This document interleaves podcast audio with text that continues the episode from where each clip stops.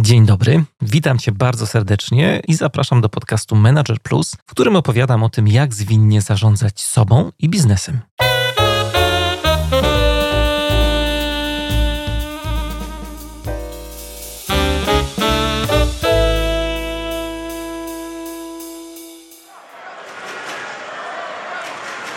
No i zobaczymy, jak zagrają. Na pewno długo, dokładnie.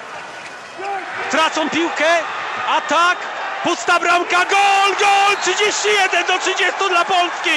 4 sekundy do końca! Drodzy Państwo, jedna, wygrywamy 31 do 30 i my jesteśmy w półfinale! Ależ to był piękny mecz. Dzisiaj chciałbym do niego nawiązać. W karierze różnych sportowców możemy znaleźć takie momenty, które są przełomowe, tak moglibyśmy je nazwać. Kluczowym momentem w karierze Artura Siódmiaka właśnie, naszego piłkarza ręcznego, była bramka rzucona Norwegii na kilka sekund przed końcem meczu. Ta bramka, którą przed chwilą mieliśmy okazję usłyszeć gdzieś tam w tle. Bramka, która zdecydowała o wejściu do strefy medalowej wtedy dla naszej drużyny w 2009 roku. To był ostatni mecz drugiej rundy Mistrzostw Świata i Artur zrobił rzecz niesamowitą, a trzeba pamiętać, że no wcześniej był świetnym obrońcą. Przez wiele lat grając w lidze francuskiej był wybierany jako najlepszy obrońca. W Niemczech był świetnym obrońcą. Też wiele sukcesów jego czy drużyn, w których grał, właśnie wynikało z jego obrony. Momentem przełomowym było to dla Artura, że złapał piłkę i z tych 30 metrów wtedy rzucił do pustej norweskiej bramki. I ta bramka dała nam awans do półfinału Mistrzostw Świata. To był moment, w którym on podjął decyzję, że rzuca. I co ciekawe, tak jakbyśmy się zabawili w analityków, ta decyzja wcale nie była optymalna, ona nie była najlepsza. On powinien zgodnie z logiką, jakimiś zasadami podawać do wychodzącego do kontrataku jednego z dwóch naszych zawodników, którzy się tam czaili gdzieś koło niego było mniejsze wtedy prawdopodobieństwo, że ktoś by nie trafił z 15 metrów niż on z tych 30. A mimo wszystko tak się złożyło, że Artur wtedy wziął odpowiedzialność, no i zrobił to, co zrobił. Zachował się tak, jak się powinien zachować. I mówię o tym, dlatego zaczęliśmy od tego meczu, bo dzisiaj gościem odcinka jest dr Marcin Kochanowski, który jako psycholog sportu współpracował ze Związkiem Piłki Ręcznej w Polsce właśnie w latach 2006-2010 brał udział w Mistrzostwach Europy, a także Mistrzostwach Świata w 2007 roku, które to zakończyły się zdobyciem wicemistrzostwa świata przez drużynę prowadzoną przez trenera Bogdana Wentę. Bardzo serdecznie zapraszam Cię do wysłuchania tej rozmowy. Będziemy próbowali porozmawiać o tym właśnie, jak w biznesie można zaaplikować różne rozwiązania pracy zespołów sportowych.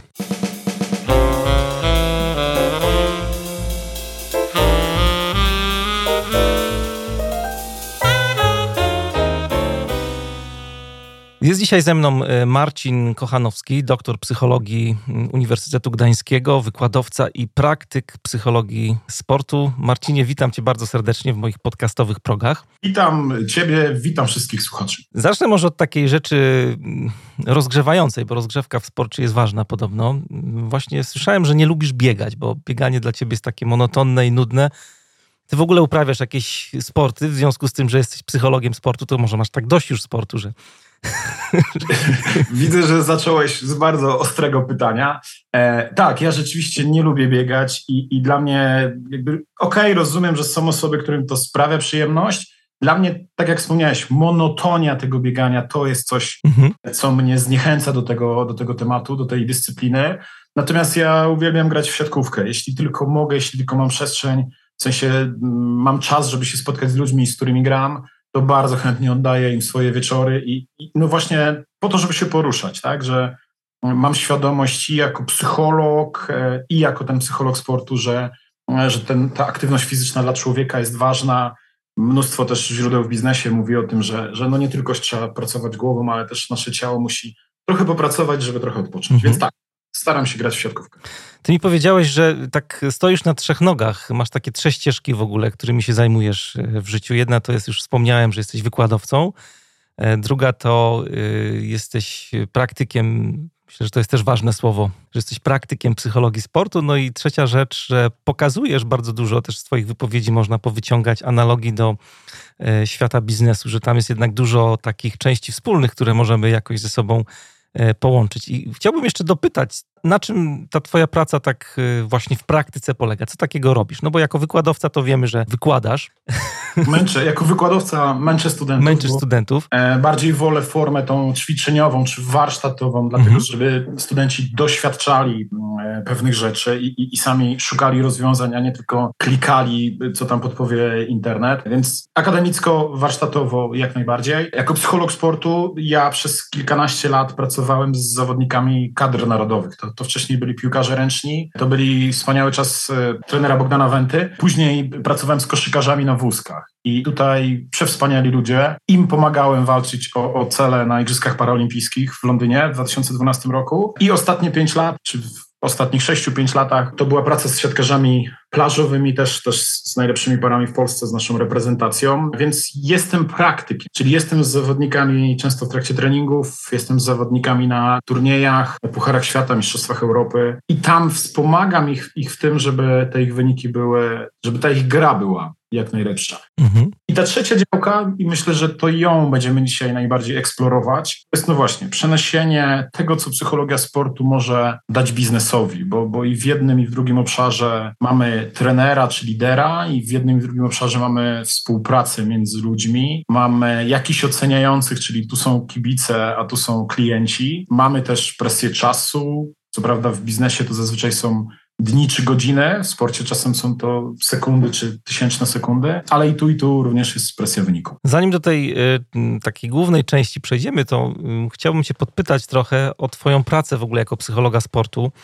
Y, I może powiedziałbyś parę słów o tym, jak to się w ogóle zaczęło. Ty zostałeś najpierw psychologiem i później sobie wymyśliłeś, że będziesz pomagał sportowcom, czy, czy od razu wiedziałeś, że ta, ta droga będzie właśnie twoja tak wyglądała? U mnie się to zaczęło chyba dużo wcześniej, wiesz, bo, bo jak ja kończyłem liceum imienia Marii Konopickiej w Poddębicach, bo stamtąd wchodzę z okolic Łodzi, to część osób, wiedząc, że ja grałem i w piłkę ręczną, moją ukochaną, i w koszykówkę, i, i biegałem jakieś sztafety, krót 100 metrów, więcej nie, to wiele osób było zdziwionych, dlaczego ja nie idę na AWF. Natomiast gdzieś w środku, oprócz tej miłości do sportu, ja miałem też taką chęć czy gotowość pomagania innym ludziom.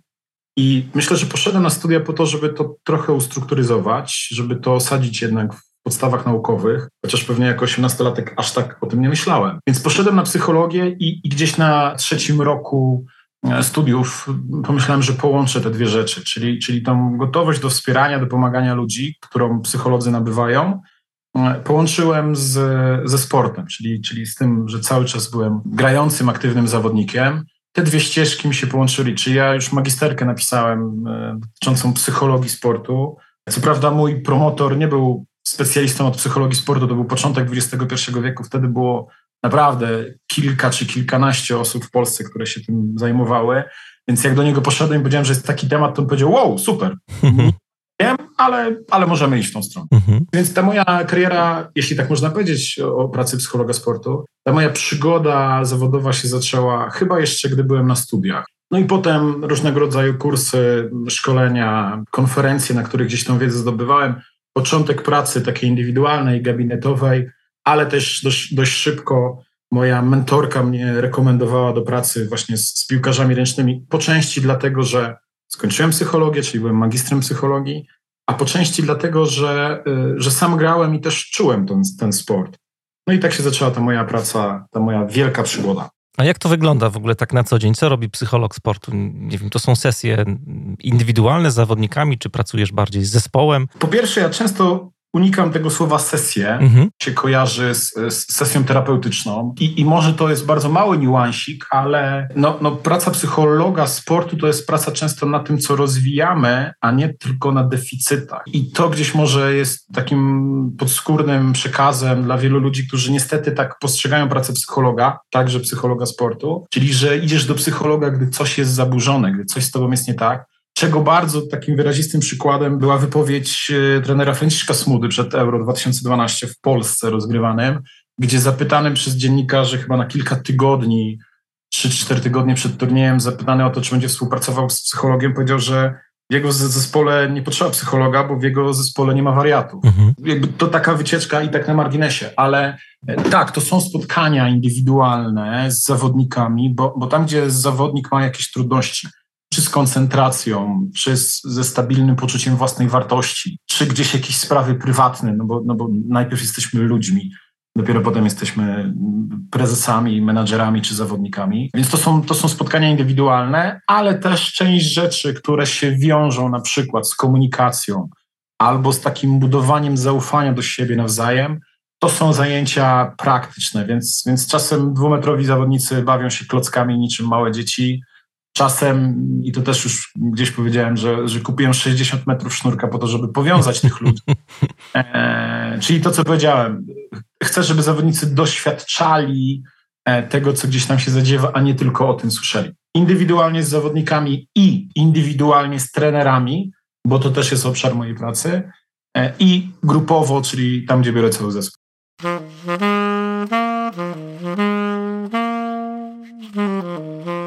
Ciekawe jest to, co powiedziałeś, że pracuje się, tak jak dobrze zrozumiałem, mam nadzieję, że na takich mocnych stronach e, zawodników a nie na takich słabościach, bo też y, przeglądałem różne rozmowy z psychologami sportu i niektórzy mówią trochę inaczej, że się szuka deficytów, ale to niestety są pewnie mity, tak jak, tak jak wcześniej nawiązałeś do, do pracy psychologa z wariatami, że to też jest jakiś taki mit, już odczarowywuje się coraz bardziej. To takie myślenie, że e, jak jesteś wariatem, to potrzebujesz właśnie terapii, nie? Wiesz co, ja uważam, że to trzeba trochę wypośrodkować, czyli Czyli rzeczywiście pracować na mocnych stronach, dlatego że one mogą być Twoim atutem, czy na boisku, czy w rozmowie z prezesem, czy, czy, czy z rywalem, z konkurencją.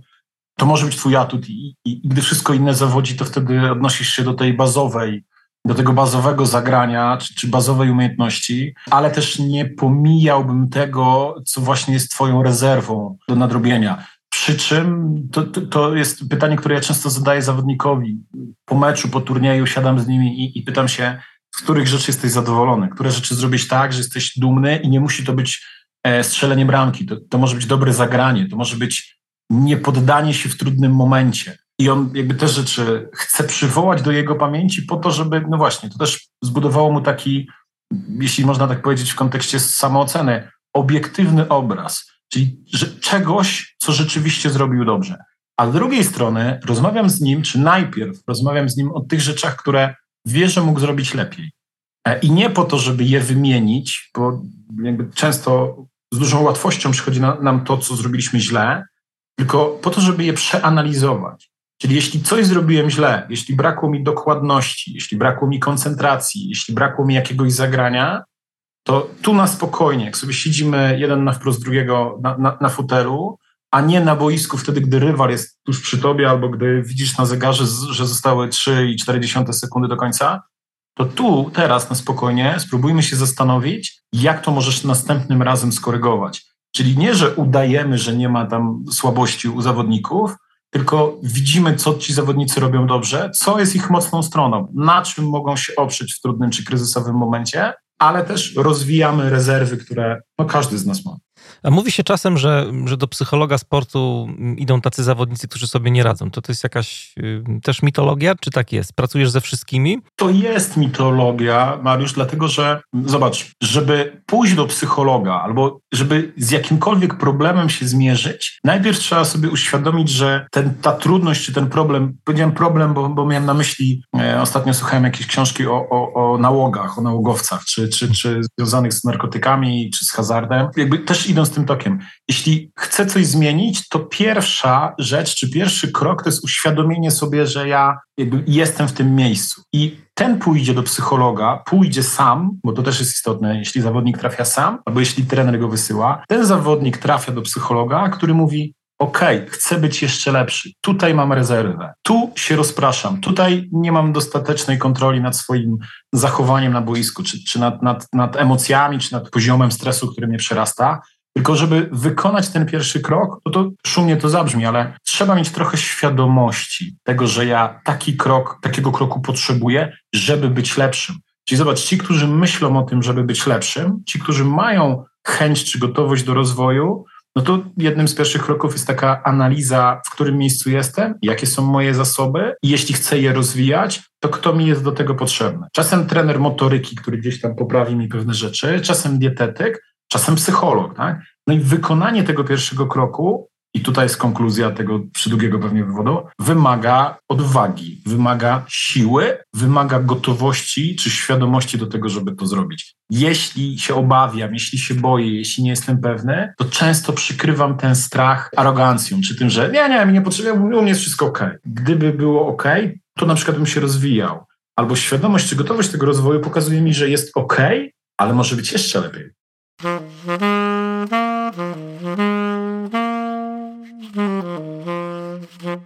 Hmm. Ciekawe bardzo rzeczy tutaj e, opowiadasz i zatrzymałem się trochę na tym pytaniu, gdzie jesteś. Ja kiedyś miałem też takie skojarzenie e, z biblijną księgą e, rodzaju. Jest tam taka słynna historia, o której się często mówi, że właśnie Adam jak zjadł z drzewa owoc zakazany, mhm. to usłyszał głos właśnie, gdzie jesteś, gdzie jesteś Adamie. Nie? I myślę, że to jest oczywiście można to na sposób taki religijny tłumaczyć i, i, tak tłumaczymy, że, że wtedy się pojawił ten grzech pierworodny, który jest y, jakby w, w ludziach, jak patrzymy na tę historię tak od strony religijnej, ale myślę, że ta historia też bardzo pokazuje to, co powiedziałeś, że buduje się w nas taka samoświadomość. Nie? Jakby odpowiedź na to pytanie, gdzie jestem, to jest taki mm, no, dobry moment do tego, żeby ruszyć z miejsca. Nie? Żeby, żeby... I, zobacz, I zobacz, że to pytanie, przepraszam, że ci wyjdę słowa, ale to pytanie możemy sobie zadać w każdym momencie momencie. Czyli nawet jak jesteś liderem rynku, i tu jest ten chyba już wszechobecny przykład e, firmy Nokia, i nie zadajesz sobie co jakiś czas tego pytania, gdzie jestem, w kontekście konkurencji, w kontekście nowinek, nie wiem, technologicznych czy taktycznych, to mogę pewien moment przegapić. W sporcie to bardzo często dostrzegamy, gdy, gdy ktoś, zwłaszcza nieoczekiwanie, zostaje mistrzem i gdzieś trochę się zachłystuje tym, w sensie, no ma, wtedy jest taka sytuacja, że jest wielu pochlebców, tak? Jak zarobisz pierwszy milion, to nagle koledzy z podstawówki się odzywają, żebyś coś im pożyczył. Jak zdobędziesz medal Mistrzostw Świata, to koledzy z podstawówki się odzywają, żebyś tam dał im bluzę albo autograf albo coś, bo też nagle im się przypomina o tobie. Więc ten sukces trochę nas może uśpić. A ci, którzy jakby nie wchodzą na ten szczyt jednorazowo, to często nawet po tym sukcesie, wiesz, mija ten czas wypicia szampana. U jednych to trwa tydzień, u innych miesiąc, u jeszcze innych pół roku. Ale warto wtedy też sobie zadać to pytanie, gdzie ja jestem? Czyli czy konkurencja mnie dogania, albo czy trochę nie zaprzestałem, nie spadłem w, w, tej swojej motywacji do tego, żeby nie tylko zdobyć, ale żeby obronić ten tytuł, żeby utrzymać pozycję lidera, więc ja myślę, że to pytanie super, jeśli do nas wraca co jakiś czas. Tak, bo w biznesie też mamy taką sytuację, no, która wbrew pozorom wcale nierzadko się zdarza, że ktoś zostaje liderem albo jakimś szefem, dyrektorem i spoczywa na laurach, jeśli chodzi o rozwój. Tu już nie mówię o kasie, nie? no bo ty tam nawiązałeś no do, do, grubych pieniędzy w sporcie, które są, jakby nie było, ale na etapie rozwojowym właśnie też często jest tak, że, że się nie rozwijamy, nie? bo osiągnęliśmy jakiś szczebel w naszej karierze i to nam wystarcza, nie, nie pytamy dalej, gdzie jesteśmy. Tak i, i, i często zobacz te sytuacje, znów analogia sportu i biznesu, zawodnik, który zostaje trenerem, grał z, z tymi partnerami z boiska i, i gdzieś tam jest w takim wieku, dzieje się różne sytuacje, zostaje trenerem i wtedy często no, ma w sobie, nie wiem, trochę nieśmiałości albo trochę za duże ego do tego, żeby powiedzieć: OK, dziękuję zarządzie za taką nominację, ale potrzebuję pewnych kompetencji, żeby je rozwinąć. I tak samo jest w, w pracy, w biznesie, że jeśli ktoś z zespołu zostaje liderem tego zespołu, to powiedziałbym, że w wielu przypadkach, czy, czy w zdecydowanej większości, potrzebuje dodatkowych kompetencji, żeby zarządzać tym zespołem. To, że jesteś ekspertem w jakichś obszarach IT, czy, czy w jakichś innych, nie wiem, stricte konkretnych, merytorycznych, mm, merytorycznym obszarze i masz tam ogromną wiedzę i doświadczenie, super. Ale zostając liderem, masz zarządzać ludźmi, dyscyplinować ich albo wspierać, albo rozwijać. To są kompetencje, które są potrzebne. I znów po takim awansie, często tym nieoczekiwanym, no właśnie, warto sobie zadać to pytanie, gdzie jestem, co mama czego potrzebuje. A jest coś takiego w sporcie. Wiem, że ty tutaj używasz takiego określenia, bo też przeglądałem twoje wystąpienia różne.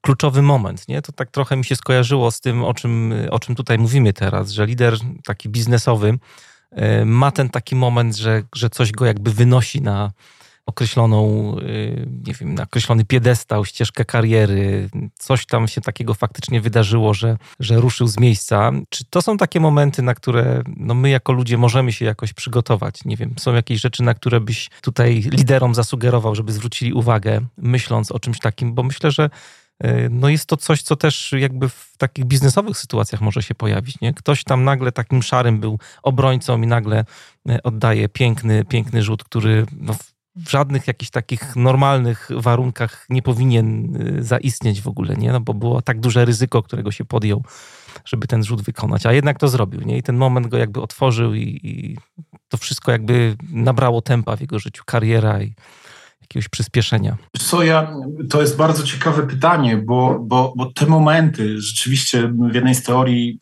te kluczowe momenty to są momenty, które odmieniają nasze życie i bardzo trudno jest je dokładnie przewidzieć. W sensie, jak powiedziałeś o obrońcy, który oddaje rzut, to od razu mi się skojarzył Artur Siódmiak, e, nasz piłkarz ręczny, który w 2009 roku przez całe boisko rzucił do norweskiej bramki, pustej wtedy, mm. słynne 15 sekund do końca, o których Bogdan Wenta mówił. I to był moment, którego Artur Siódmiak raczej nie trenował i nie ćwiczył. Natomiast jego determinacja, jego gotowość podjęcia ryzyka, bo on podjął bardzo duże ryzyko, sprawiły, że jakby no, trafiając tą piłką otworzył nam drogę do, do walki o medal Mistrzostw Świata i to się zakończyło brązowym medalem Mistrzostw Świata, ale chodzi mi o to, że często tych momentów nie jesteś w stanie dokładnie przewidzieć, że tak powiem, jak one się zadzieją. Bo, bo, bo często też awans zawodowy, czy to, co powiedziałeś, może teraz analitycy mnie zlinczują, ale że nie zawsze jesteśmy w stanie przewidzieć, który z czynników sprawi, że nasz produkt jakby wybuchnie na rynku, sensie wejdzie na rynek i zdobędzie czołówkę. Więc czasem te momenty są nie do przewidzenia, natomiast gdzieś jak rozmawiałem z ludźmi, którzy, którzy też się tym zajmują, to wydaje mi się, że, że po pierwsze, i to jest pytanie, które często padało w kontekście pandemii, po pierwsze to jest dobre przygotowanie, w sensie taka solidna praca niechodzenie na skróty, czyli to, co sportowcy, że tam nie, że jak trener nie patrzy, to możesz trochę odpuścić. I to, co pracownicy, że jak, jak, jak szef nie pilnuje, to mogę tam trzy strony raportu napisać byle co. Czyli taka solidna praca. A po drugie, i to, co wynika z tego, znaczy to, co prowadzi do tego, że ta solidna praca ma miejsce, to jest taki, taki kręgosłup etyczno-moralny. W takim sensie, że jeśli jestem uczciwy, że jeśli jestem fair wobec ludzi, to w krytycznym momencie może się okazać, że ci ludzie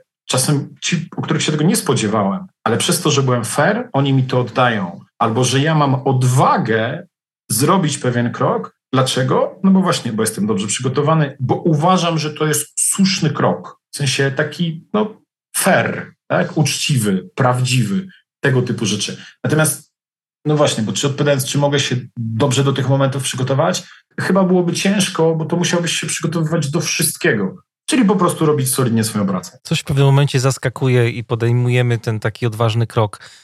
E, Dokładnie. Tutaj przy odwadze też e, taka rzecz wychodzi, która często też w biznesie się pojawia i dużo się o niej mówi teraz na różne sposoby. Czasami to jest taka mantra, którą się powtarza, tak, bo wszyscy tak mówią, mam wrażenie. Chodzi o pracę z błędami, bo wyjście na, na arenę, na boisko, na, na stadion wiąże się z tym, że, że no możemy tę porażkę ponieść. Nie? To się wiąże z jakimś takim otwarciem. Ten kluczowy moment y, może być dla nas przełomowy i otwierający, ale może też y, być y, czymś, co jest zagrożeniem, nie? bo może nam się nie udać, mimo tego ryzyka, które podejmujemy.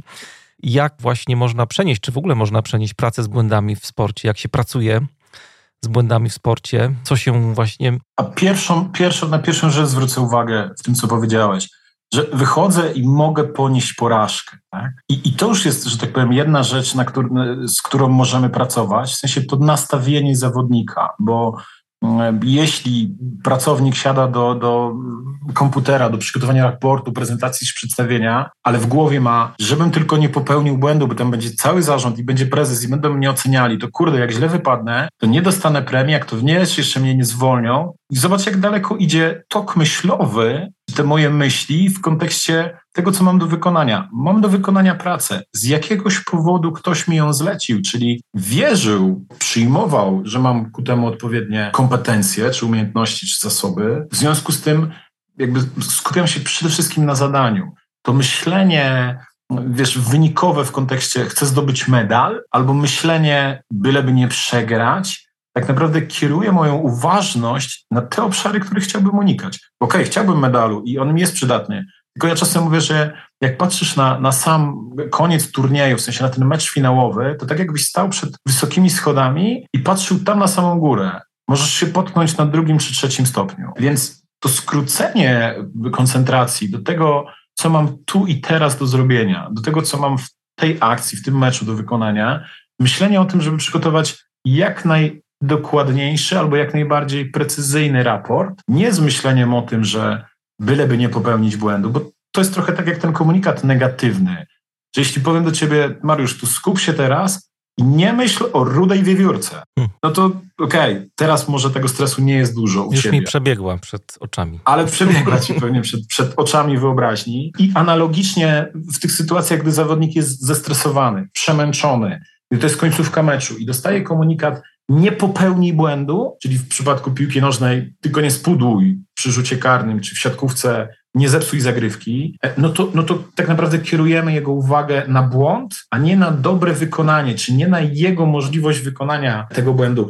Analogicznie w biznesie. Jeśli moja koleżanka będzie miała prezentację przed zarządem i ja widząc, że ona jest zdenerwowana, próbując jej dodać otuchy, powiem, no dobra Aga, to nie stresuj się. To tak naprawdę przed jej oczami wyobraźni, często gęsto w takiej sytuacji pojawi się obraz stresu, czyli nie wiem, drżące ręce, wyobrażenie sobie tego, że się poce, wyobrażenie sobie jak prezes się łapie za głowę przy moim błędzie i tak dalej, i tak dalej. Zamiast skupiać się na błędach, przy czym to, co powiedziałem też wcześniej, to nie znaczy, że ich nie ma i udajemy, że ich nie ma, tylko jeśli one są, to, to jakby w bezpiecznej atmosferze szukam sposobu na ich rozwiązanie, na ich wyeliminowanie przy kolejnym starcie czy przy kolejnej próbie. Natomiast w momencie startu myślenie o błędach to jest trochę tak, jak ja bardzo rzadko, dosłownie kilka razy pracowałem z muzykami i, i dziewczyna, która grała na pianinie mi powiedziała, tak, Panie Marcinie, bo jak ja myślę, że tam w tym fragmencie jest ten trudny moment, bylebym tam nie popełniał błędu w tym trudnym momencie. To najczęściej tam popełniam ten błąd, chociaż wiem, że chciałam go nie popełnić. A jak myśli o płynności grania, o tym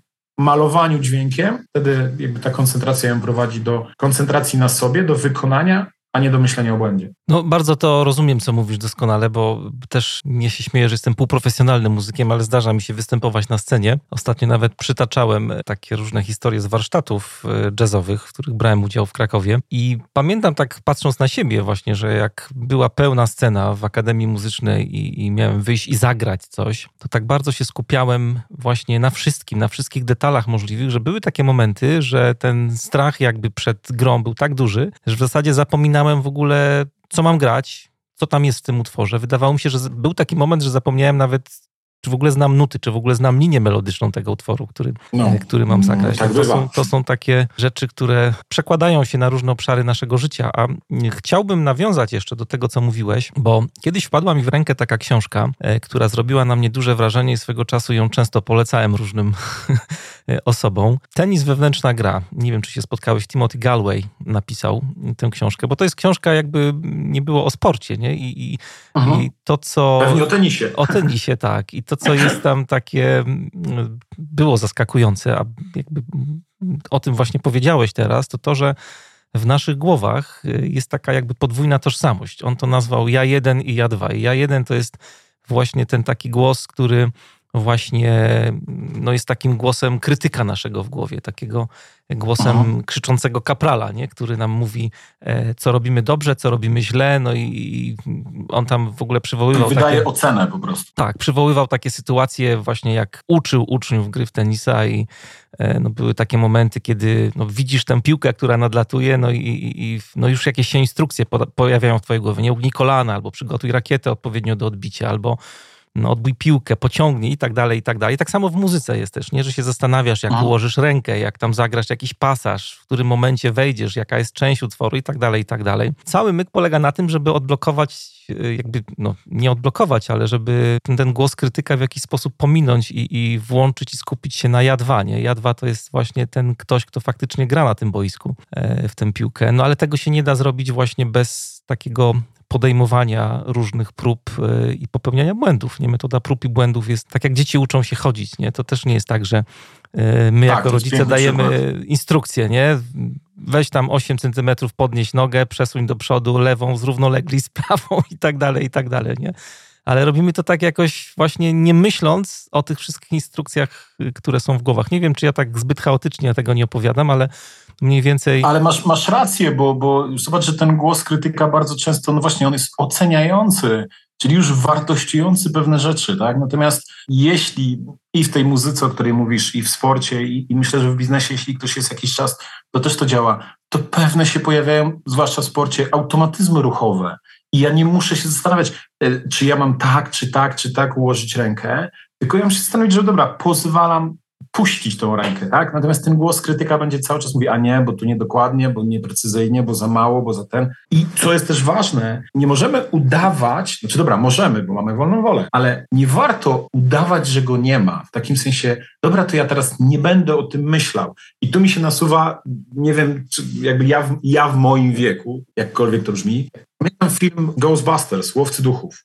I tam w takiej finałowej, końcowej walce jakieś tam były straszne, straszne złe moce i oni gdzieś na dachu jakiegoś budynku byli i mieli, ktoś tam miał ich zaatakować. Ktoś, o kim oni pomyślą. I tam szef krzyknął, dobra, to teraz nie myślcie o niczym. W pewnym momencie, nie wiem czy pamiętasz, wyszedł taki wielki ludzik, jak Michelin, piankowy wielki ludzik. I oni się na siebie popatrzyli, jeden z nich mówi, no ja pomyślałem o takim z pianki, takim malutkim, słodkim misiu. On się przeobraził wielkiego potwora, tak? Ale ten moment pokazuje, że no ekstremalnie trudno. Jeśli nie masz nie wiem, rozwiniętej medytacji albo jakiejś samoświadomości, czy jakichś technik tybetańskich oddechowych, to trudno jest powstrzymać myśli.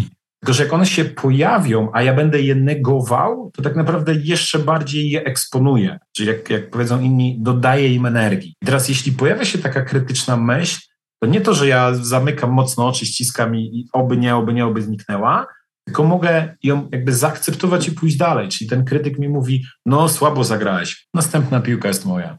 Czy tam następny, następny ruch będzie, będzie dokładniejszy. Następny ruch zrobię tak, jak, jak sobie to zaplanowałem.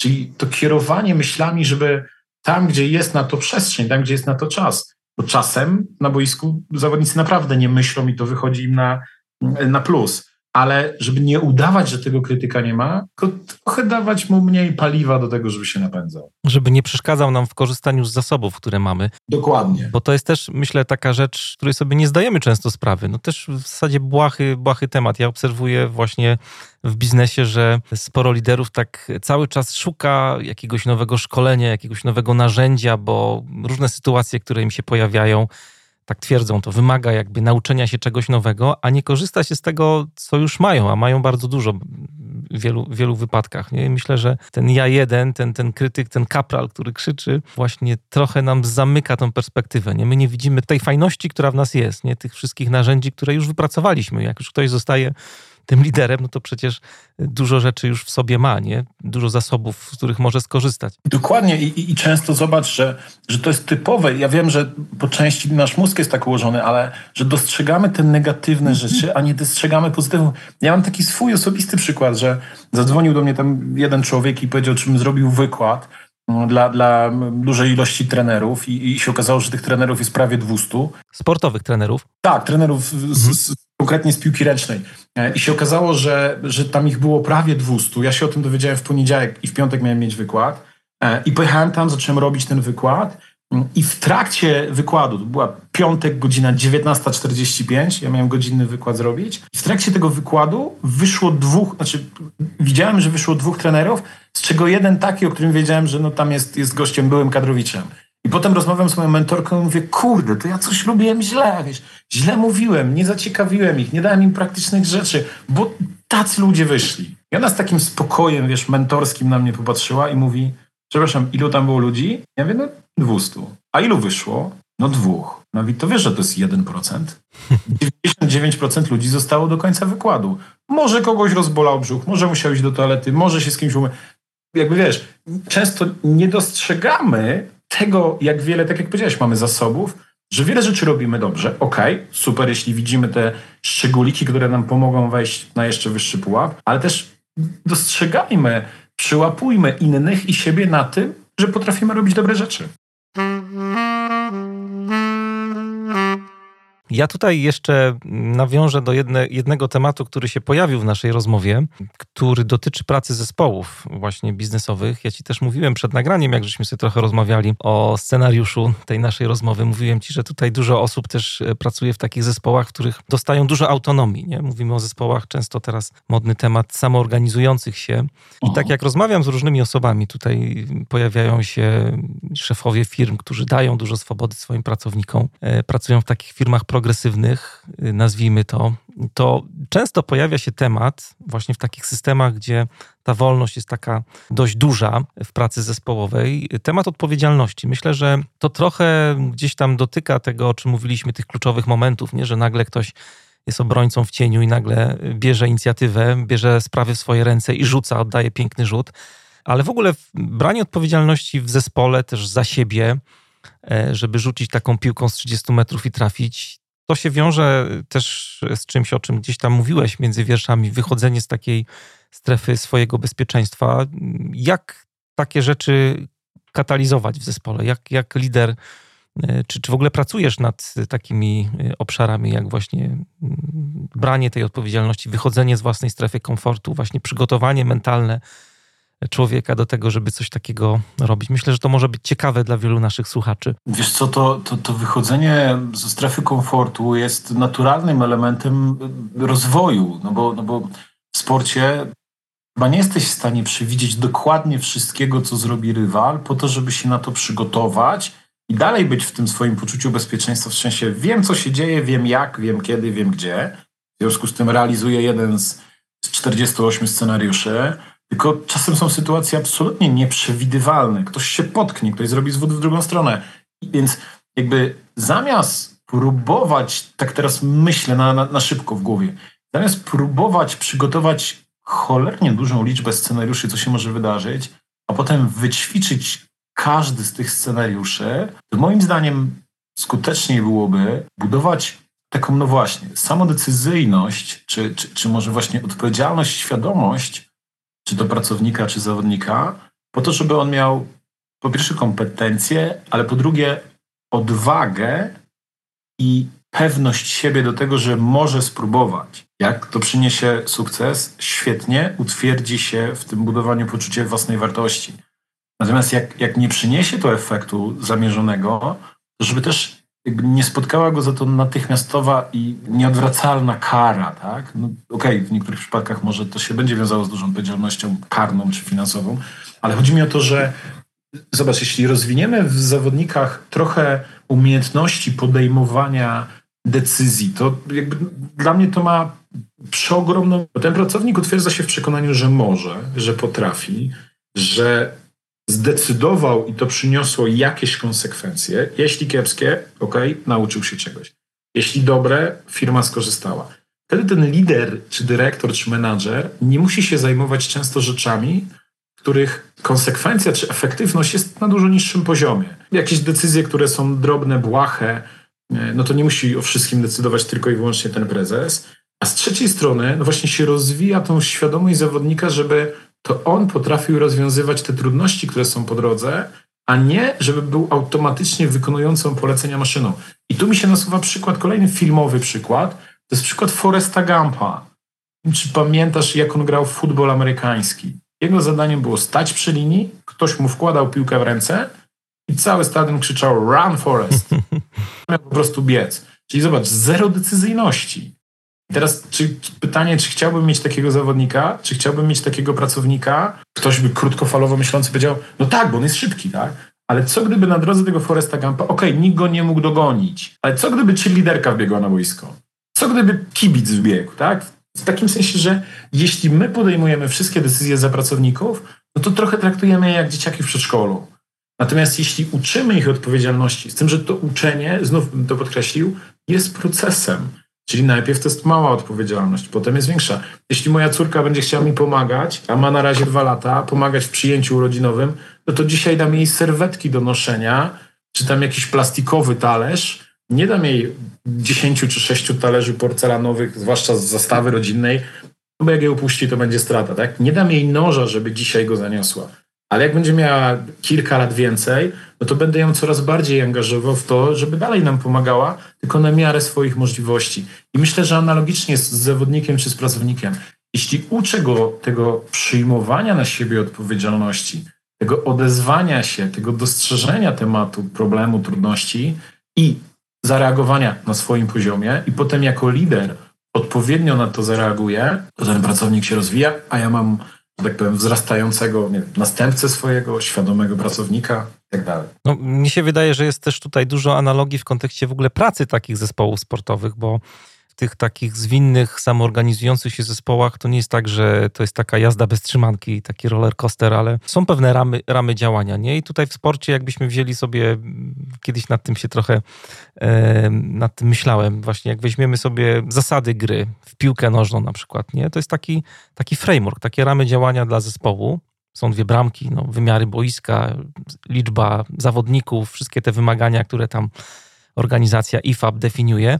No ale już cała reszta, właśnie to o czym mówisz, nie to jak ten pracownik ze swoją świadomością pracuje, jak wpada już na boisko i grają ten mecz, no to tam nie masz instrukcji, nie? Już jakby no są jakieś tam krzyki pewnie trenera, ale e, jakby cała ta interakcja między zawodnikami, tak sobie to wyobrażam, to jest właśnie sama organizacja tego zespołu, jakby na tym boisku. Trochę tak, no, no okej, okay, są fundamenty gry, na których to się opiera. Są jakieś, wiesz, zastosowania taktyczne, jeśli rywal robi, nie wiem, wysoką obronę czy niską obronę, no to my stosujemy to albo to, e, ale tak jak mówisz, resztę rzeczy się oddaje e, tym pracownikom, że, bo to oni, zobacz, bo to de facto oni są tam na środku, to oni są w tym ogniu walki. Analogicznie, jak jedzie pracownik do klienta i z nim rozmawia, no to nie dam rady. Dobra, dzisiaj może dam. Chciałem powiedzieć, że być w jego uchu i mu podpowiadać wszystko, co ma, co ma mówić. Dobra, technologia dzisiaj nam na to pozwala, ale to pracownik jest na, tym, na, tym, na tej pierwszej linii kontaktu z klientem. I chodzi o to właśnie, żeby tak mu, takie kompetencje mu dać, nie, tak jak mówimy, twarde schematy A, B, C, D, bo co się stanie, jeśli między B a, a D braknie tego C, tylko pozwolenie mu na to, żeby on korzystał właśnie ze swoich zasobów, ze swojego potencjału i to on podejmował decyzje. A jak y, podchodzisz do tematu konfliktu w zespole? Jestem bardzo ciekawy, jak, jak pracuje się w ogóle ze sportowcami nad konfliktem, bo konflikty są pewnie, nie? To nie jest tak. I wiesz co, i, i tu mi się buzia śmieje, bo, bo, bo, tu mi się pojawia ta odpowiedź, która, nie wiem czy już tego doświadczyłeś, która się najczęściej pojawia u psychologów, Czyli to zależy. tak. Ale, ale ona jest, wiesz co, ona jest w wielu sytuacjach i właśnie w tej tak mi się nasunęła i ona jest prawdziwa nie dlatego, żeby uciec od odpowiedzi, tylko że wiesz, tutaj dotykamy tego, co wymaga wejścia głębiej, czyli co jest przyczyną tego konfliktu, co jest jego źródłem. I, i wiesz, są konflikty, które wynikają z nieporozumień. Błędy komunikacyjne są jednym z najczęstszych, czy jednym z tych elementów, które, które sprawiają, że, że gdzieś tam człowiek się myli, że co innego zrozumiałem. I teraz, okej, okay, jeśli mam dużą uważność na to, co mówię, to mogę pamiętać, co ja powiedziałem, ale nie mam odpowiedzialności za to, co mój kolega z zespołu odebrał, czy koleżanka. E, więc, więc jakby część konfliktów wynika z błędów komunikacyjnych. Ja jako nadawca dobrałem zły, złą treść, zły przekaz, nie, niespójne były moje kanały, ciało mówiło co innego, czy ton głosu co innego niż słowa i tak dalej. Z drugiej strony, czy odbiorca był nastawiony odpowiednio na słuchanie, czy posługiwaliśmy się tym samym kodem językowym i tak dalej, i tak dalej. I to jest jeden obszar. I myślę, że tutaj to będzie konflikt, który będzie w stanie, którego będziemy w stanie wyjaśnić, doprecyzować i, i, i wyczyścić pewne rzeczy. Natomiast jeśli te konflikty sięgają gdzieś, gdzieś głębiej, czyli na przykład poczucia wartości, czy takiego, nie chcę za daleko iść, ale kręgosłupa etycznego czy moralnego, który większość, a mam nadzieję, że wszyscy z nas mają, no to tutaj taki konflikt jest dużo ostrzejszy i on może, i on może czasem jakby nie dać się w prosty sposób rozwiązać. Że moje poczucie wartości, na przykład, które się wiąże z, z lojalnością, czy, czy, z przywiązaniem do tego, co się umawialiśmy, i, i drugi z menadżerów czy z członków zespołu, który powie, no dobra, umawialiśmy się, ale zobacz, sytuacja zewnętrzna się zmieniła, tak? jest kryzys. Musimy zwolnić iluś pracowników, albo musimy zmienić zasady. I, wiesz, to jest obszar, w którym ciężko jest się spotkać gdzieś po środku. Są różne przyczyny tych konfliktów i co za tym idzie, różne ich wykorzystanie, ich, czyli konfliktów, wykorzystanie. No bo czasem zwłaszcza gdy się pojawia jakieś zmęczenie materiału w zespole. Czasem ten konflikt będzie humanitarnie przeprowadzony, ale czasem ten konflikt e, może nam oczyścić atmosferę, czyli wyjaśnić pewne rzeczy, może wyprostować pewne rzeczy, może gdzieś nas uczulić na to, co idzie w bardzo złą stronę. I po to, żebyśmy zareagowali zanim coś zadzieje się naprawdę bardzo złego, czyli na przykład zanim odejdzie pracownik, a nie przegapili tą sytuację.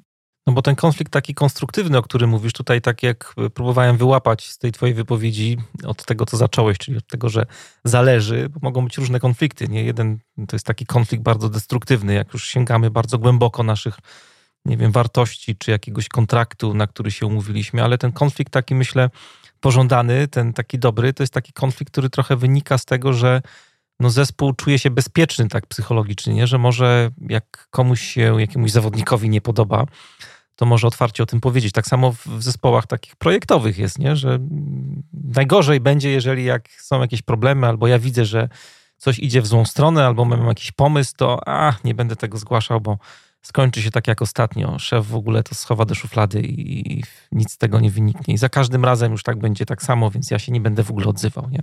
No, no, no takie gaszenie kreatywności, no to nie chcę powiedzieć, że jest jedna z wad liderów, no bo to znów to zależy w jakim obszarze, momencie i mm, się to pojawia, ale, ale rzeczywiście trochę, trochę tutaj takie warunkowanie się pojawia, czyli raz, drugi, trzeci, piąty, to jest różnica indywidualna, niektórzy pięć, niektórzy piętnaście razy, jeśli mój głos nie zostanie dostrzeżony, no to gasi to moją aktywność czy gotowość właśnie do, do, do brania odpowiedzialności. I bardzo często wtedy taki pracownik nie podnosi ręki, żeby się zgłosić, tylko wręcz e, chowa swoją uważność, czy głowę, czy rękę pod stół i tam na telefonie robi coś, co, co nie daje nic zespołowi. A ciekaw jestem, jakie jest twoje podejście w ogóle do jakby pracy z konfliktem, nie? Bo jak widzisz na przykład w zespole sportowym, że coś tam się dzieje, coś tam się iskrzy, jadzi, to mm, pytanie jest takie, czy zostawiasz swobodę najpierw zespołowi, żeby sobie sam z tym poradził, czy, czy ingerujesz jakby od razu? No znów tu ta odpowiedź jest to zależy, no bo no, no to zależy na jakim to jest, ten konflikt jest etapie, też w jakim momencie jest drużyna, wiesz, jeśli to jest dzień przed najważniejszym meczem, to jest co innego niż mhm. wtedy, gdy miesiąc, czyli w trakcie tych obozów, często przygotowań, ale tu bym powiedział, że kwestia jest bardzo delikatna, dlatego że jeśli ma to rozbić ten zespół, w sensie zaszło to już trochę za daleko, no to wtedy reakcja czy psychologa, czy trenera jako lidera jest potrzebna.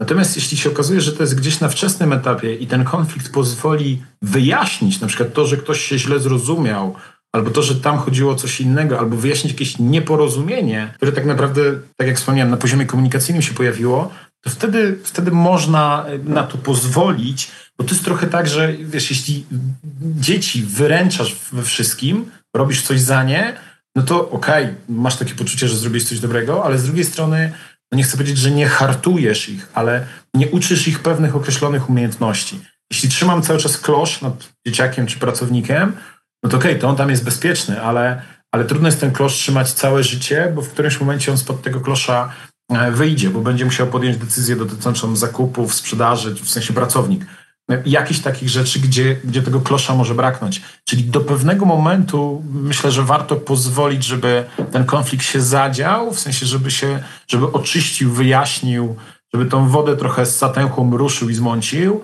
Natomiast jeśli jest za bardzo, no to wtedy ingerencja tego sztabu mhm. bloga jest potrzebna. Chciałbym dopytać jeszcze o taką rzecz, o której wspominałeś na początku, jak y, sobie tutaj notowałem twoje wypowiedzi troszkę, to pojawiła się presja, że presja jest czymś, co pojawia się w biznesie i w sporcie. I tutaj tak sobie myśląc o presji w sporcie, można myśleć o presji związanej z wynikiem i ta presja też jest duża, jeśli chodzi o biznes, o, o projekty, które są w firmach prowadzone.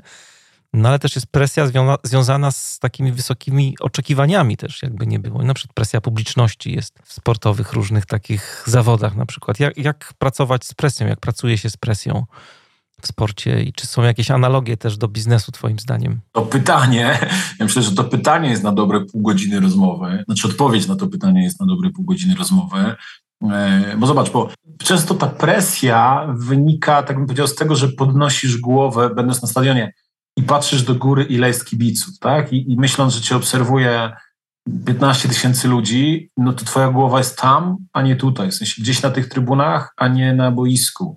Myśląc o tym, że tam siedzi, nie wiem, scout Manchester United czy Barcelony, twoja uważność zostaje przy nim, a nie jest tutaj na boisku. Ale z drugiej strony nieczęsto się trafia na stadion, na którym jest 15 tysięcy ludzi, wtedy gdy miesiąc temu grałeś przy 300 osobach. Tutaj mają w jakimś sensie sportowcy takie ułatwienie, że ta ich droga sprawia, że, że, że trochę krok za krokiem idziesz do tej najwyższej presji. Żeby pojechać na igrzyska, no to trzeba wywalczyć kwalifikacje. Żeby wywalczyć kwalifikacje, to trzeba dobry, zrobić dobry wynik na zawodach międzynarodowych czy, czy chociażby na Mistrzostwach Polski. Więc jakby sportowiec, który tydzień w tydzień na tym boisku się pojawia, czasem częściej, bo niektóre ligi grają częściej, niejako się oswaja z tą presją. To jest, to jest trochę tak, że temat nie dotyczy presji, ale większość z nas, osób, które mają prawo jazdy, przez chwilę się zastanówmy, jaka jest sekwencja przy zmianie biegów. Pamiętasz, Marysz, co trzeba zrobić, żeby zmienić biegi? No, aż tak sobie tego nie rozkładam w głowie. Ale chodzi mi o to, że, że doświadczony kierowca mówi, no, no puszczasz, wciskasz sprzęgło i... No tak, i zmieniam bieg. A, nie wiem, instruktor nauki jazdy albo ktoś, kto robi właśnie kurs, mówi, puszczam gaz, wciskam sprzęgło, przerzucam y, y, dźwignię, gałkę, zmiany biegów, puszczam sprzęgło, naciskam gaz, przy czym cały czas mam patrzeć na drogę i tak nie puszczać kierownicy lewą ręką. W sensie, jeśli robisz to po raz 50, setny, 150, to trochę się przyzwyczajasz do, do tego, co masz do zrobienia. I, i, I tak samo, jeśli przed tym zarządem, przed publicznością, przed pracownikami występuje po raz setny, to już ta presja może być mniejsza. Dlaczego? Bo robiłem to wielokrotnie i dalej to robię. Okej, okay, są osoby, które nigdy nie tracą tremy, i, nie pamiętam, któryś z wielkich polskich aktorów powiedział, że dzień, w którym nie będę czuł tremy, to będzie ostatnim dniem mojej pracy. Z tym, że ta trema, i tu jest może jedna z praktycznych wskazówek, jeśli będziemy ją sobie identyfikować jako ekscytację, jako podniecenie w takim sensie, wow, super, mogę to zrobić, mogę tu być przed tymi ludźmi. Zobacz, zobaczmy, że, że, że tu jest takie same objawy jak, jak przy stresie. Przyspieszone tętno, e, rozszerzone źrenice, e, często taka pobudliwość ruchowa, w sensie nie mogę wysiedzieć w jednym miejscu. I odczuwam dokładnie to samo, gdy jestem przed, przed, pierwszą randką ze wspaniałą osobą. Dokładnie to samo, gdy się stresuję przed egzaminem. I teraz ukierunkowanie znaczenia tego mojego pobudzenia na wow, to będzie świetna przygoda, super, że mogę się tu zaprezentować. Cieszę się, że, że jestem w tym miejscu, chcę to zrobić jak najlepiej. To jest zdecydowanie lepszy kierunek niż myślenie, a co będzie, jak ja się, byle żebym się tylko nie pomylił. A co będzie, jak pójdzie mi źle? Nie, no ten gość przede mną się zaprezentował lepiej, na pewno lepiej, chociaż tak naprawdę tego nie widziałem, na pewno lepiej, ja sobie z tym nie poradzę. Czyli ta presja, trochę się można do niej przyzwyczaić, a trochę to, swoją, to, to swoje pobudzenie ukierunkować jako ekscytację, jako gotowość. Zobacz, można powiedzieć, że moje ciało jest gotowe do tego, żeby wejść i, i wygłosić to wystąpienie przed zarządem.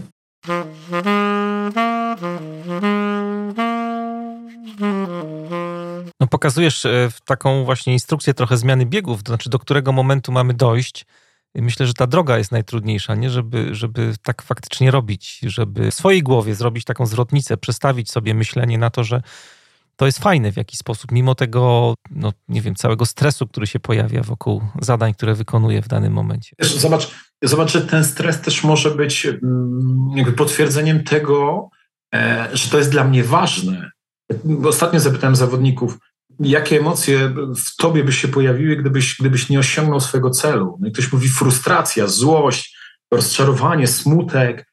Ja mówię, okej, okay, no to o czym to świadczy? Że to jest dla ciebie ważne. Nie, że nie osiągnąłem celu. Ojej, no trudno. Tylko, że dobra, nie skupiamy się, w sensie nie zostańmy w tych emocjach, tylko idźmy dalej. One są dowodem tego, że to było dla mnie istotne, że to było dla mnie ważne. Więc czasem też może w ten sposób popatrzmy na stres, który nam towarzyszy, że jeśli coś, no właśnie, wzbudza we mnie zainteresowanie, w takim sensie, że wzbudza we mnie emocje, ja się stresuję, żeby to zrobić, to jest dowodem na to, że ja naprawdę tego chcę, że mi zależy, że to jest dla mnie ważne. Nie obojętne i banalne, ale ważne, czyli super, że mogę to robić. To bardzo cenne jest, co powiedziałeś, bo teraz sobie zrobiłem szybki skan w głowie i ja chyba też tak mam, że się bardzo stresuję, jak na czymś mi bardzo zależy. Nie? Znaczy dużo bardziej się stresuję niż, niż normalnie. I to właśnie, co powiedziałeś, to, to trochę jest taka klamra do, do tego.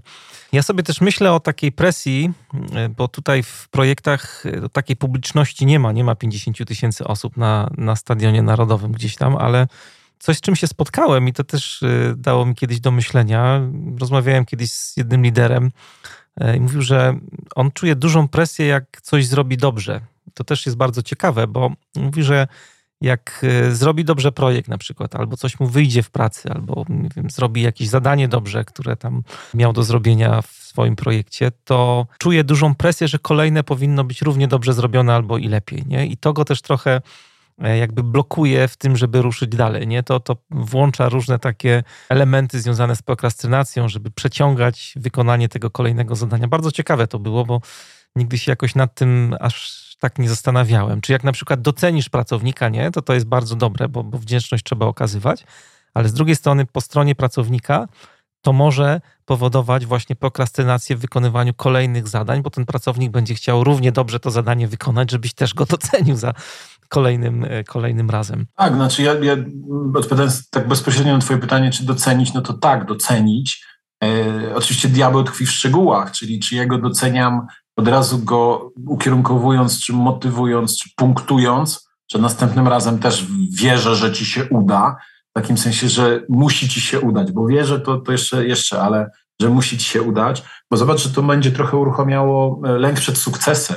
I to brzmi absurdalnie, ale ten sukces wnosi mnie, czy wynosi mnie na zupełnie inny poziom, w takim sensie, że zrobiłem świetnie projekt, więc zaczynam być ekspertem. Pierwsze skojarzenie, czego ekspert nie może zrobić, no nie może popełnić błędu. Dokładnie. Tutaj to, to ukierunkowanie. E, ten sukces, jakkolwiek rozumiany, może dla mnie oznaczać coś nowego. I zobacz, że dlatego potem się może pojawić ta prokrastynacja, bo, i to dzisiaj też już powiedzieliśmy, wychodzę ze swojej strefy, w której jestem obeznany, znajomy, bezpieczny, wiem, co się dzieje. Wchodząc do przodu i nie mając właśnie stabilnego poczucia własnej wartości, czy nie mając tej skróconej koncentracji w kontekście robię zadanie, bo super będzie je zrobić, w sensie będę się czuł usatysfakcjonowany. Jakie będą konsekwencje? Jak przyjdą, to się nad nimi zastanowię. W sensie nie błogostan i, i nie wiadomo, co będzie, ale po co tracić dzisiaj czas i energię na myślenie o tym, jaka z tego może być dalekosiężna konsekwencja. Robię najlepiej, jak potrafię projekt. Dlaczego? Dotykamy bardzo istotnego tematu, w sensie, co jest motywacją wewnętrzną mojego pracownika do tego, żeby dany projekt zrobić. Bo jak będę trafiał w tą wewnętrzną, to on będzie miał, no właśnie, satysfakcję, dumę z jakiegoś swojego małego kroku i będzie się skupiał na tych małych krokach, a nie tylko na tym, że kurde, to wejdę w nowy obszar. Dlatego na przykład część osób boi się awansować na lidera, no bo to jest tak duża niewiadoma i mają tak dużą obawę przed tym, że sobie nie poradzą, bo nie mają kompetencji, bo nie mają doświadczenia, bo nie mają nie, mentora, który by ich w tym wsparł, że wolą dalej zostać często na niższym stanowisku, ale zostać na swoim poziomie. Czyli rzeczywiście sukces czasem może się wiązać z tym, że jest czymś nowym, w związku z tym czasem niepokoi. Zbliżamy się y, do końca powoli naszej rozmowy i tak chciałem Cię zapytać, czy jest coś, o co nie zapytałem jeszcze, a powinniśmy poruszyć w tej naszej rozmowie? Wiesz co, no, no nie, nie, wiem, czy, czy bo nasuwa mi się wiele tematów. Jak mówiłeś o zespołach, to właśnie też to, to mi błysnęło w głowie w którymś momencie, bo mówiłeś o tych zespołach, które są w dość luźny sposób zarządzane, ale sam chyba potem to skorygowałeś, że mimo tego, że one się wydają takie rozproszone, tam dalej też obowiązują zasady. I to jest to, co chciałem powiedzieć, że, że ten lider, y, nawet jeśli będzie dawał wielką swobodę, to te zasady na początku powinien ustalić, bo, bo wiele błędów, czy gdzieś jakby nieefektywnego funkcjonowania zespołów wynika z tego, że nie ustalimy zasad. Nawet jeśli w zasadach będzie wpisane, że jest szeroka odpowiedzialność i tak dalej, i tak dalej, to powiedzenie tego, nazwanie tego kontekście funkcjonowania zespołu jest bardzo, bardzo, bardzo istotne. Kiedyś y, trafiłem na taki cytat, y, jak studiowałem filozofię, to, to były seminaria z księdzem Tischnerem. E, wow. I on e, właśnie mawiał, że wolność najpiękniej objawia się w tańcu, ale jakże właśnie głupio byłoby tańczyć wbrew muzyce, którą nam grają. I to jest właśnie to, o czym mówisz, nie? że wolność bez tych ram to jest jakąś anarchią, jest jakimś przegięciem, nie? jakimś zwyrodnieniem. Bo wolność też jest odpowiedzialnością. się, nie wiem, czy nie będzie też jakaś klamra. Jestem wolny, więc mogę zrobić cokolwiek, ale robię coś, co mnie zbliża do marzeń, co zbliża do, do jakby efektu mm, końcowego w pracy zespołu, to ja sam wybieram ścieżkę, więc jestem wolny, ale to, się, to niesie ze sobą odpowiedzialność. Marcinie, bardzo dziękuję za dzisiaj. To było, była duża przyjemność, duża frajda słuchać tych Twoich różnych tutaj e, analogii do świata biznesu, od świata sportu. Bardzo dziękuję. Ja również dziękuję i, i mam nadzieję, że nikt nie zasnął do, do samego końca, bo rzeczywiście. Może 1%. Przyjemnie mi się, przyjemnie mi się z Tobą rozmawiało, e, ale rzeczywiście te, te analogie ze sportu do biznesu, ja myślę, że, że są, będą i, i możemy z nich naprawdę czerpać i w jedną, i w drugą stronę. Czyli sport może się uczyć od biznesu, biznes może czerpać ze sportu. Bardzo serdecznie. Tak, a jakby nasi słuchacze chcieli się jeszcze poinspirować trochę, to na stronie Marcina, e, o ile dobrze pamiętam, marcinkochanowski.com czy pl? Com, com. com tak marcinkochanowski.com jest tam taka sekcja, gdzie możecie też posłuchać albo poczytać różne dodatkowe tematy. Jest e, właśnie temat związany z budowaniem zespołu. E, jest bardzo fajne wystąpienie też na SWPS-ie związane właśnie z rolą lidera w kontekście właśnie zespołów sportowych, ale też z przeniesieniem na właśnie biznes, więc e, bardzo zachęcam do odwiedzenia strony i jeszcze raz Marcin, ogromne dzięki. Dzięki serdeczne. Puk, puk. Mam nadzieję, że ktoś jest jeszcze po drugiej stronie. Dziękuję wszystkim patronkom i patronom podcastu Manager Plus na Patronite, szczególnie tym osobom, które odnowiły lub zwiększyły swój abonament. No i dziękuję też tradycyjnie mecenasowi audycji firmie iSolution. Przypominam, że mamy jeszcze jedno wolne miejsce właśnie jeśli chodzi o mecenas e, audycji Manager Plus. Y, w kontekście Patronite to tak sobie myślę, że mm, średnia liczba odsłuchań Managera Plus wynosi około 10 tysięcy mm, osób na odcinek. Y, I dzięki 43 osobom z tych 10 tysięcy, mm, bo taka jest aktualna liczba patronów w tym momencie, Manager Plus jest wydawany. Y, jeżeli chciałbyś zmienić tę proporcję i uważasz, że to, co robią, ma sens i słuchanie podcastu daje ci wartość i zmienia Twoje przywództwo, to bardzo serdecznie zapraszam Cię do Patronite. I jeszcze jedno ogłoszenie parafialne, ale wcześniej jingle z nim związany. Chciałbym Cię zaprosić do akcji, którą sobie nazwałem hashtag nakarm algorytm. E, akcja nazwę ma taką, jaką ma. Tak naprawdę chodzi mi o to, żebyś zajrzał do aplikacji, w której słuchasz Managera Plus, tej swojej ulubionej, i wystawił podcastowi ocenę. To mogą być gwiazdki, łapki e, lub po prostu kilka miłych słów o tym, co cię tutaj w podcaście Manager Plus spotyka. Bardzo mi na tym zależy, bo algorytmy tych wszystkich e, aplikacji działają tak, jak działają e, a dzięki Waszym głosom mogę po prostu docierać z przekazem Managera Plus dużo, dużo dalej, szerzej. E, możemy wspólnie dużo dobrych rzeczy robić i ty możesz e, mi w tym pomóc. Masz na to na pewno taki realny wpływ. Szczególnie zależy mi na aplikacji Spotify, na Apple Podcast, no i na YouTubie, bo tam od niedawna Podcast Manager Plus też jest i już pojawili się nowi subskrybenci, ale zachęcam cię do tego, jeżeli to jest twój kanał, jeżeli korzystasz z YouTube'a, to możesz tam też e, dać odpowiednio w górę łapki, zadzwonić dzwoneczkiem i oczywiście zasubskrybować Menadżera Plus właśnie w tym medium. To już y, wszystko na dzisiaj. Ja się nazywam Mariusz Hrabko. Dziękuję Ci za dzisiaj i do usłyszenia już niebawem.